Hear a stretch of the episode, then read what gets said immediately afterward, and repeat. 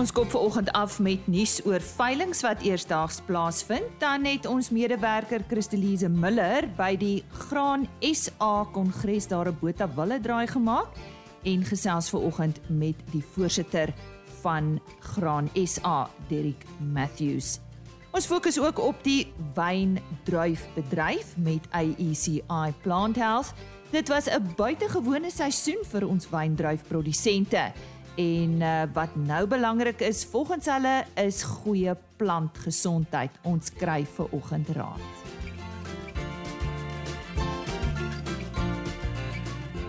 Dit is Maandag 14 Maart. Lise Roberts aan die stuur. Baie welkom. Ek vertrou jy het 'n goeie naweek agter die rug. Eers landbou nuus. Graan SA se jaarlikse Nampo Oesdag sal vanjaar vir die eerste keer in die geskiedenis oor 5 dae aangebied word. Dit volg op 'n 2 jaar lange afwesigheid van die grootste landbouskou in die suidelike halfrond. Graan SA het tydens sy afgelope jaarlikse kongres ten gunste van die aanbieding van die Nampo Oesdag in sy oorspronklike tyd geleef in Mei gestem. Vanjaar se geleentheid sal vanaf 16 tot 20 Mei op Nampo Park buite Botawil aangebied word. Besonderhede rakende kaartjieverkope, toegangstye en toegangsvereistes sal mettertyd gekommunikeer word. Die Esher Koei Grace Valley KL17144 is gedurende die pas afgelope Esher Nasionale Kampioenskap as senior en groot kampioen koei aangewys. Die kampioenskap is tydens die afgelope Swellendam skou aangebied. Die eienaar van die koei is Kevin Lang van Howick in KwaZulu-Natal. Die koei is ook aangewys as die senior koei met die beste eier en ook as die algehele wenner in die beste eier klas. Nog twee van Lang se koeie het reserve kampioenskap titels ingepalm. Die kampioen jong koei en reserve groot kampioen koei is The Reach Regans Raggy 5 en haar eienaar is Edmund Els van Hermanus. En nog 'n prestasie. 'n Nuwe Suid-Afrikaanse rekordprys is onlangs vir 'n Kalahari Red Ram behaal. Josef Kleinhans van Didejak Boerbokke het onlangs die ram Aragon aan die Benchmark Boerbok en Kalahari Reds stoet verkoop vir 'n rekordprys van R230 000. Die ram is uit die hand uitverkoop. Aragon is uit Kabib geteel en volgens die eienaar is Aragon se ma 'n topklas skou en teelooi. Dis dan die nuus.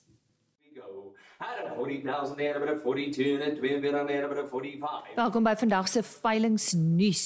Op 16 Maart natuurlik die nasionale Bonsmara vroulike dier veiling en dit is daar by die Stonehenge River Lodge daar uh, op Parys. Op 24 Maart die LHB Bonsmaras en Kreur Bonsmaras produksieveiling van Skalk van der Merwe en Frikkie Kreur. Dis by Leeuhewel, die plaas in die Christiana omgewing. Die aanbod is 30 SP bulle en 300 kommersiële vroulike diere. Dit word aangebied deur Vleis Sentraal in Bloemfontein. En môreoggend op RSC Landbou gesels ek juis met Skalk van 'n Merwe oor hierdie veiling van 24 Maart. 25 Maart, 'n groot geleentheid vir die boerbokbedryf, die Black Tie Blue Blood boerbok veiling. Dis by die Cape Winelands en uh, ek het reeds met Dani Strauss van BKB hieroor gesels. Dit gaan 'n spog geleentheid wees. 25 Maart, die Black Tie Blue Blood Boerbok veiling. Op 26 Maart, die Weltevreden River Ranch se tweede produksie veiling. Ek gaan eersdaags ook met Mieke Botha oor hierdie veiling gesels. Dit word uh, aangebied deur Andrei Kok en Seun Limpopo daar by die Warmbad veemark. En dis dan vir eers se veilingsnuus, bietjie stiller in Maart maand, maar lyk like my April is weer lekker besig.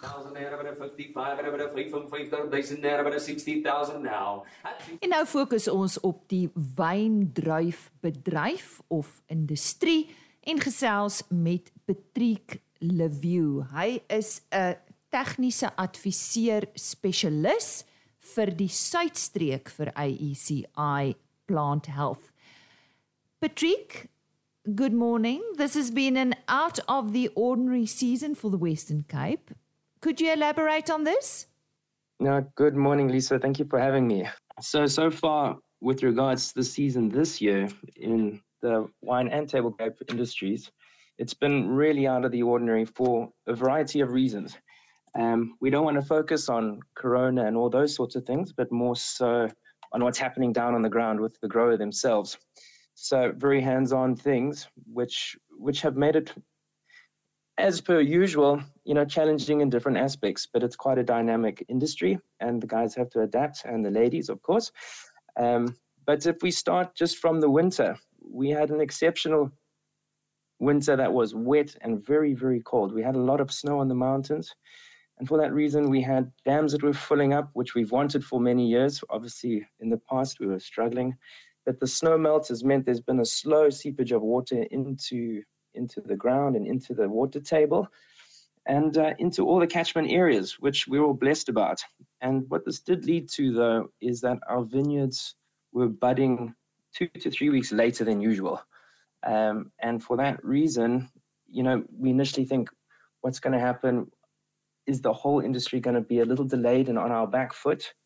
But our budding, when it came to spring, was very even and very strong. So that was a good sign. In some cases, we even saw the buds on the vineyards, the primary, secondary, and tertiary buds were all coming out at the same time. So for us, we see then, well, we at least perceive that our crops are doing well and they're very um, healthy. And then what came along in November, near the end of spring, was an exceptional amount of rain. I think there was more than 100% more than what happened in the long-term mean in the past. So this is something that you know you can only only only predict what may happen in the future in the next coming months.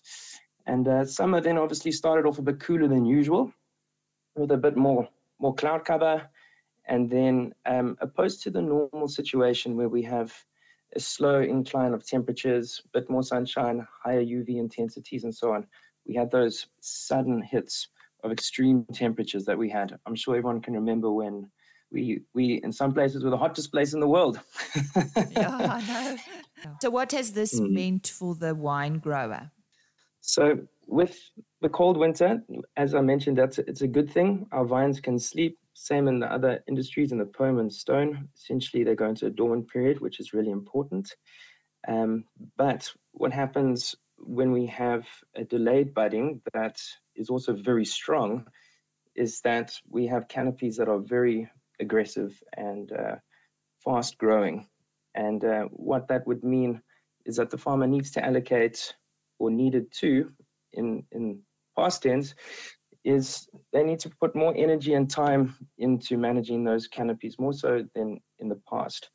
But couple that with a high rainfall, which isn't just as an absolute value, but also the frequency of those rainfalls. So very little time that you can get into the vineyard and manage those canopies. It can be quite difficult when the soils are wet and your machinery is is maybe slipping around. Um, then you have this double up of it's wet, I can't get in, I can't manage my canopies. And when you do get the time, you can go in, do your best to manage and, and remove some of the, that vegetation, which is very important. Because if you don't remove the vegetation, you don't get good airflow, good light penetration, and so on. And uh, that, coupled with the rain itself, makes for a very conducive environment for disease development. So you can see how this sort of builds on top of each other. If we had a high rainfall, but in one incidence, then it's easy to get into vineyards. Um, and as mentioned, when we came into the summer months, it was it was a slow progression of temperatures increasing, and uh, so when we had that sudden spike, then it puts the plants under stress, and any any organism that's under stress is more susceptible to disease as well. Mm-hmm. So this combination of events makes almost for a perfect setting for disease development. Um, because you also then, if you're taking time out of applying the necessary chemistry or products or your your choice of a product into the into the vineyard to control disease, then you know now it's a big big gamble of the times you have to operate between maintaining and uh, controlling those diseases.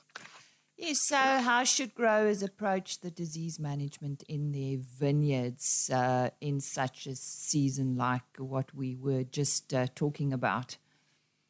This, know, this is a very good question because we've moved into, or we've moved out of uh, a cycle of drought, and we moved into now a season of or a cycle of rain and moisture, and this is meaning we could we can only predict that next year will be fairly similar to this, although we'll have a different different factors, of course. But uh, in anticipation, one way to counter this or prepare for the following season really is to maintain those canopies, to avoid, as mentioned, um, very dense canopies, because then the air can flow through, you get more sunshine.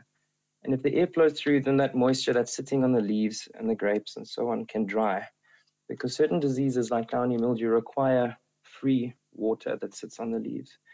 Um, and if you get your canopy maintenance done properly, then it allows for good product use and good product coverage of both the grapes and the leaves. If there's excess volume of vegetation sitting there, you're not going to get good coverage.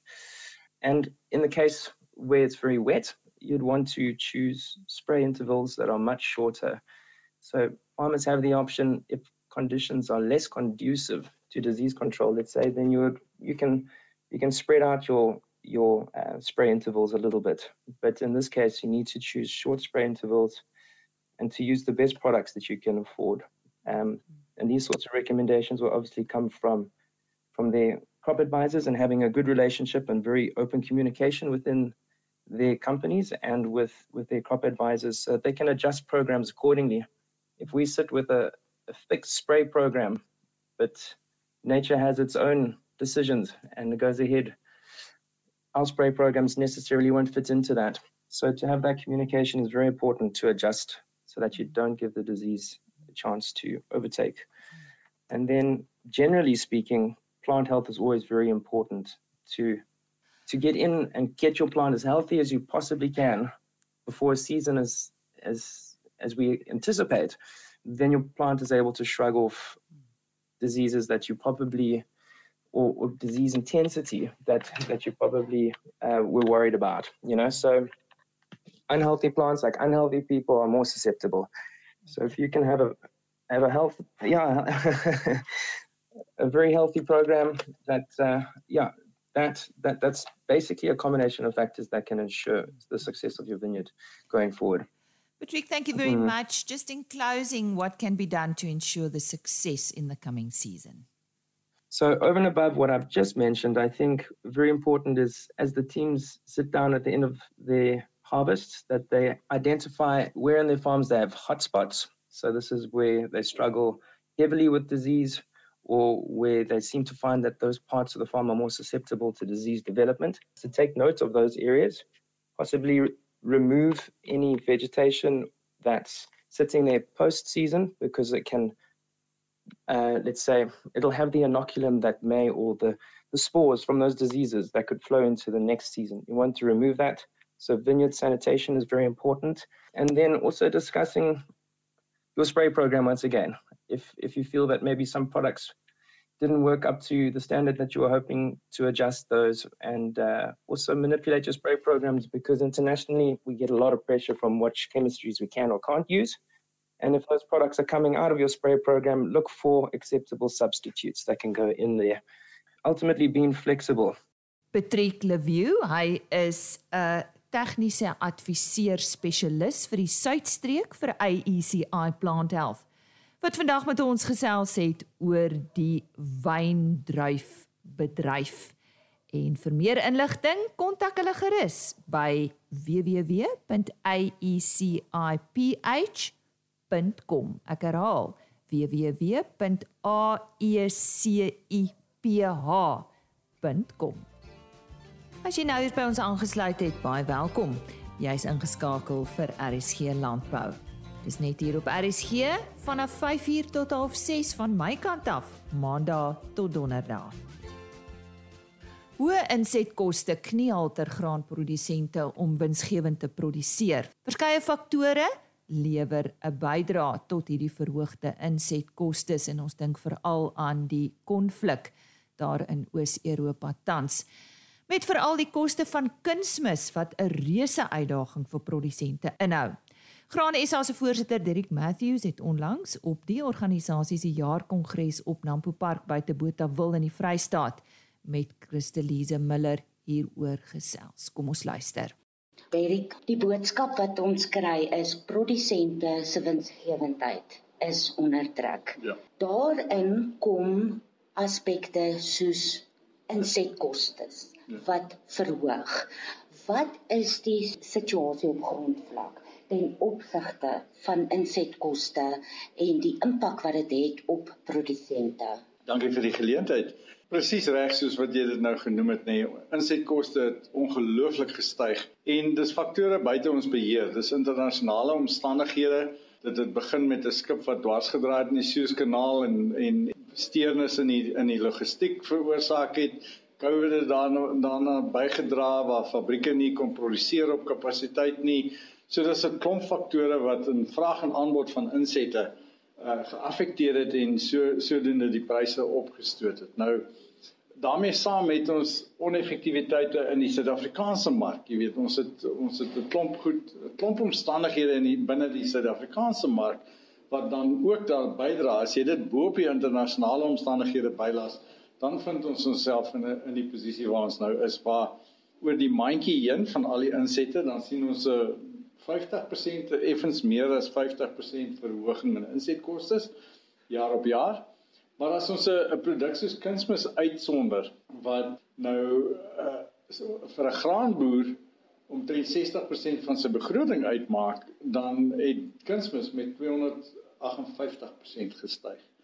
Nou dis dis net ongelooflik, jy weet en en eintlik on, onuithoudbaar duur. Die die kunsmis raak eenvoudig te duur om te kan koop. Nou ehm um, jy weet ons kan nie ons kan nie sonder kunsmis produseer nie. Wel, jy kan seker sonder kunsmis plant, maar jy gaan nie opbrengs hê nie. Jy weet ons sal ons sal dan waar ons in die afgelope 10 jaar 8 van die 10 jaar uh netto uitvoerders van mielies was, gaan ons dan onmiddellik, jy weet, in 'n in 'n tekort situasie of in 'n invoer situasie en wees sou ons nie jy weet mielies probeer plant sonder om kunsmis te gee. So net 'n baie baie moeilike situasie moet wees. Ons het nou net kunsmis uitgesonder. Dieselfde geld vir chemie, dieselfde geld vir masjineriekoste, dieselfde geld vir ehm um, saadkoste. Ons probeer vandag by ons kongres saam met jy weet te luister en te hoor by van die insetverskaffers, die multinasjonale maatskappye, wat is die oplossings wat ons saam kan vind om om hierdie hierdie omstandigheid te oorleef? En as ons kan saamvat al die belangrikste of belangrike um, insetverskaffers, multinasjonale insetverskaffers het deelgeneem aan 'n paneelbespreking en dit wil voorkom asof hulle boere se nood voel en daadwerklik wil neig na oplossings toe. Ek dink so, ek ek het dit ook, jy weet, ek was baie nuuskierig om te te hoor wat sê hulle, wat bring hulle tafel toe, jy weet. Ek was ek was bang aanvanklik dat hulle die geleentheid gaan gebruik as 'n as as 'n advertensie geleentheid om om hulle produkte nou aan ons te te smous as ek die woord sou kan noem, jy weet, 'n uh, bietjie kras kan stel, maar dit is nie die geval nie. Ek dink wat ons sien is innoverende navorsing wat gedoen word, innoverende ontwikkeling wat kom in produkte wat regtig vir ons gaan help om opbrengste te lig, wat aan jou winsgewend werk En dan het ons hulle gemaan en uitgedaag dat ons daardie nuwe tegnologieë, daai nuwe geleenthede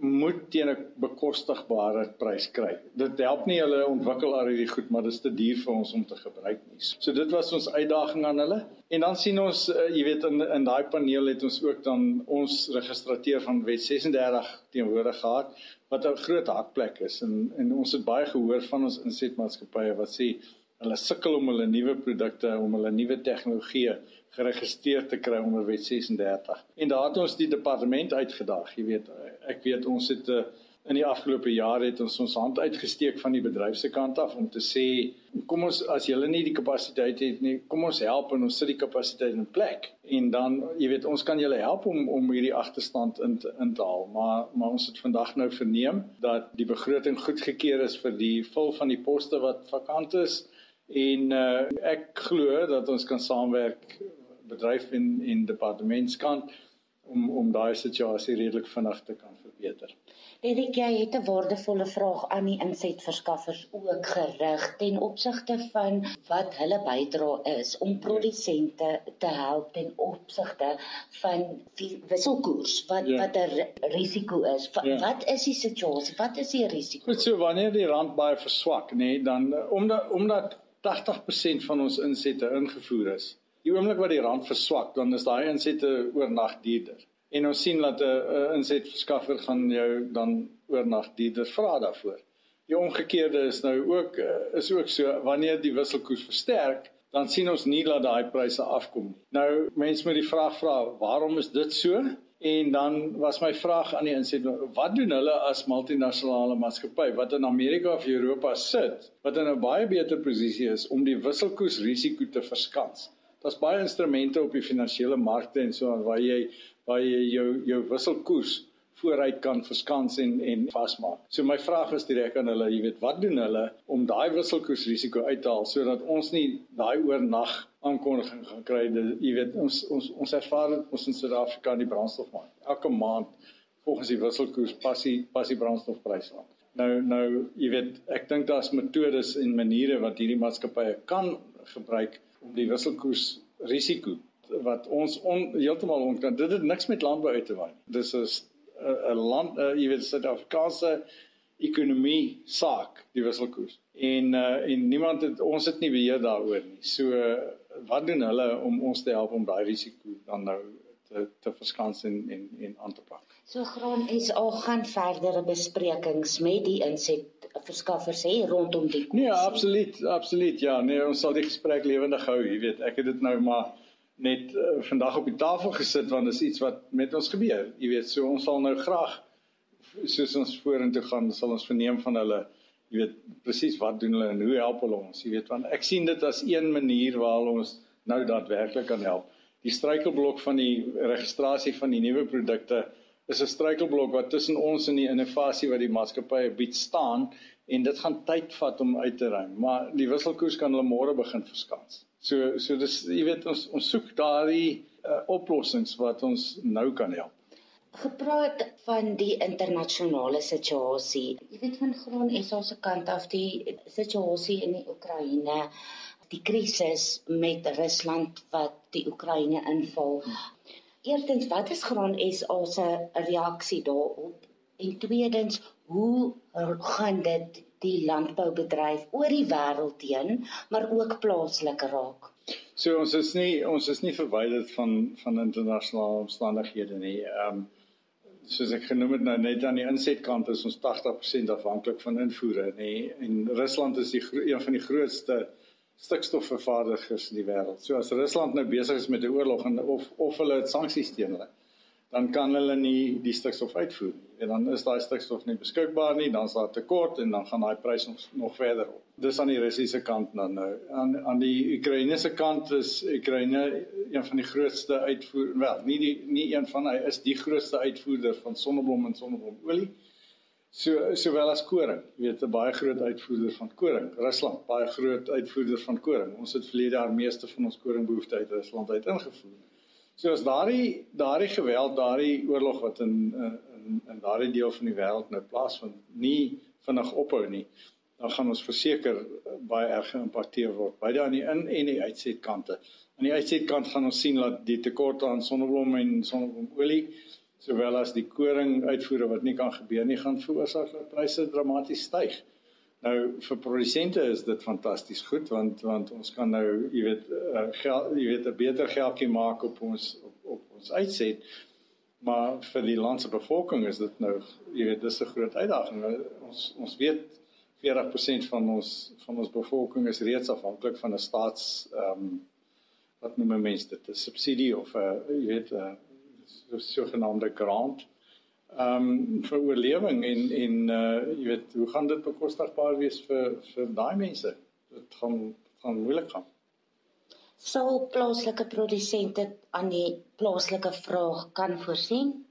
Milie Sonneblom ja, definitief. Die koringkant ons ons weet ons is 'n netto invoerder van koring. Ons ons produseer nie meer in die Vrystaat die die hektare koring wat ons altyd geproduseer het. Ek dink ons gaan vir jare 'n bietjie oplewing sien as gevolg van die baie reën en die baie baie vog wat in die in die Noordwes Vrystaat heers, maar ehm um, dit bly jy weet ons bly in 'n situasie waar ons net 'n invoerder is van koring. So dit gaan 'n uitdaging wees. Die koring, ons sal moet sien waar kom die koring vandaan. Dit was dan Derek Matthews natuurlik, voorsitter van Graan SA. En ons medewerker Christelise Miller het met hom gesels. Dis dan vir oggend se program. Onthou môreoggend weer by my aan te sluit. Ons sluit af soos gewoonlik met 'n webtuiste en e-posadres: rsg.co.za vir die volledige program, alternatiefelik agriorbit.com vir 'n kykie of 'n luister na ons onderhoude afsonderlik en dan rsg landbou by plaasmedia.co.za. Daardie e-posadres bereik my direk. Stuur gerus 'n e-pos. Ons gesels weer môreoggend om 5uur. Mooi dag, totsiens. RSG Landbou is 'n plaasmedia produksie met regisseur en aanbieder Lize Roberts en tegniese ondersteuning deur Jolande Rooi.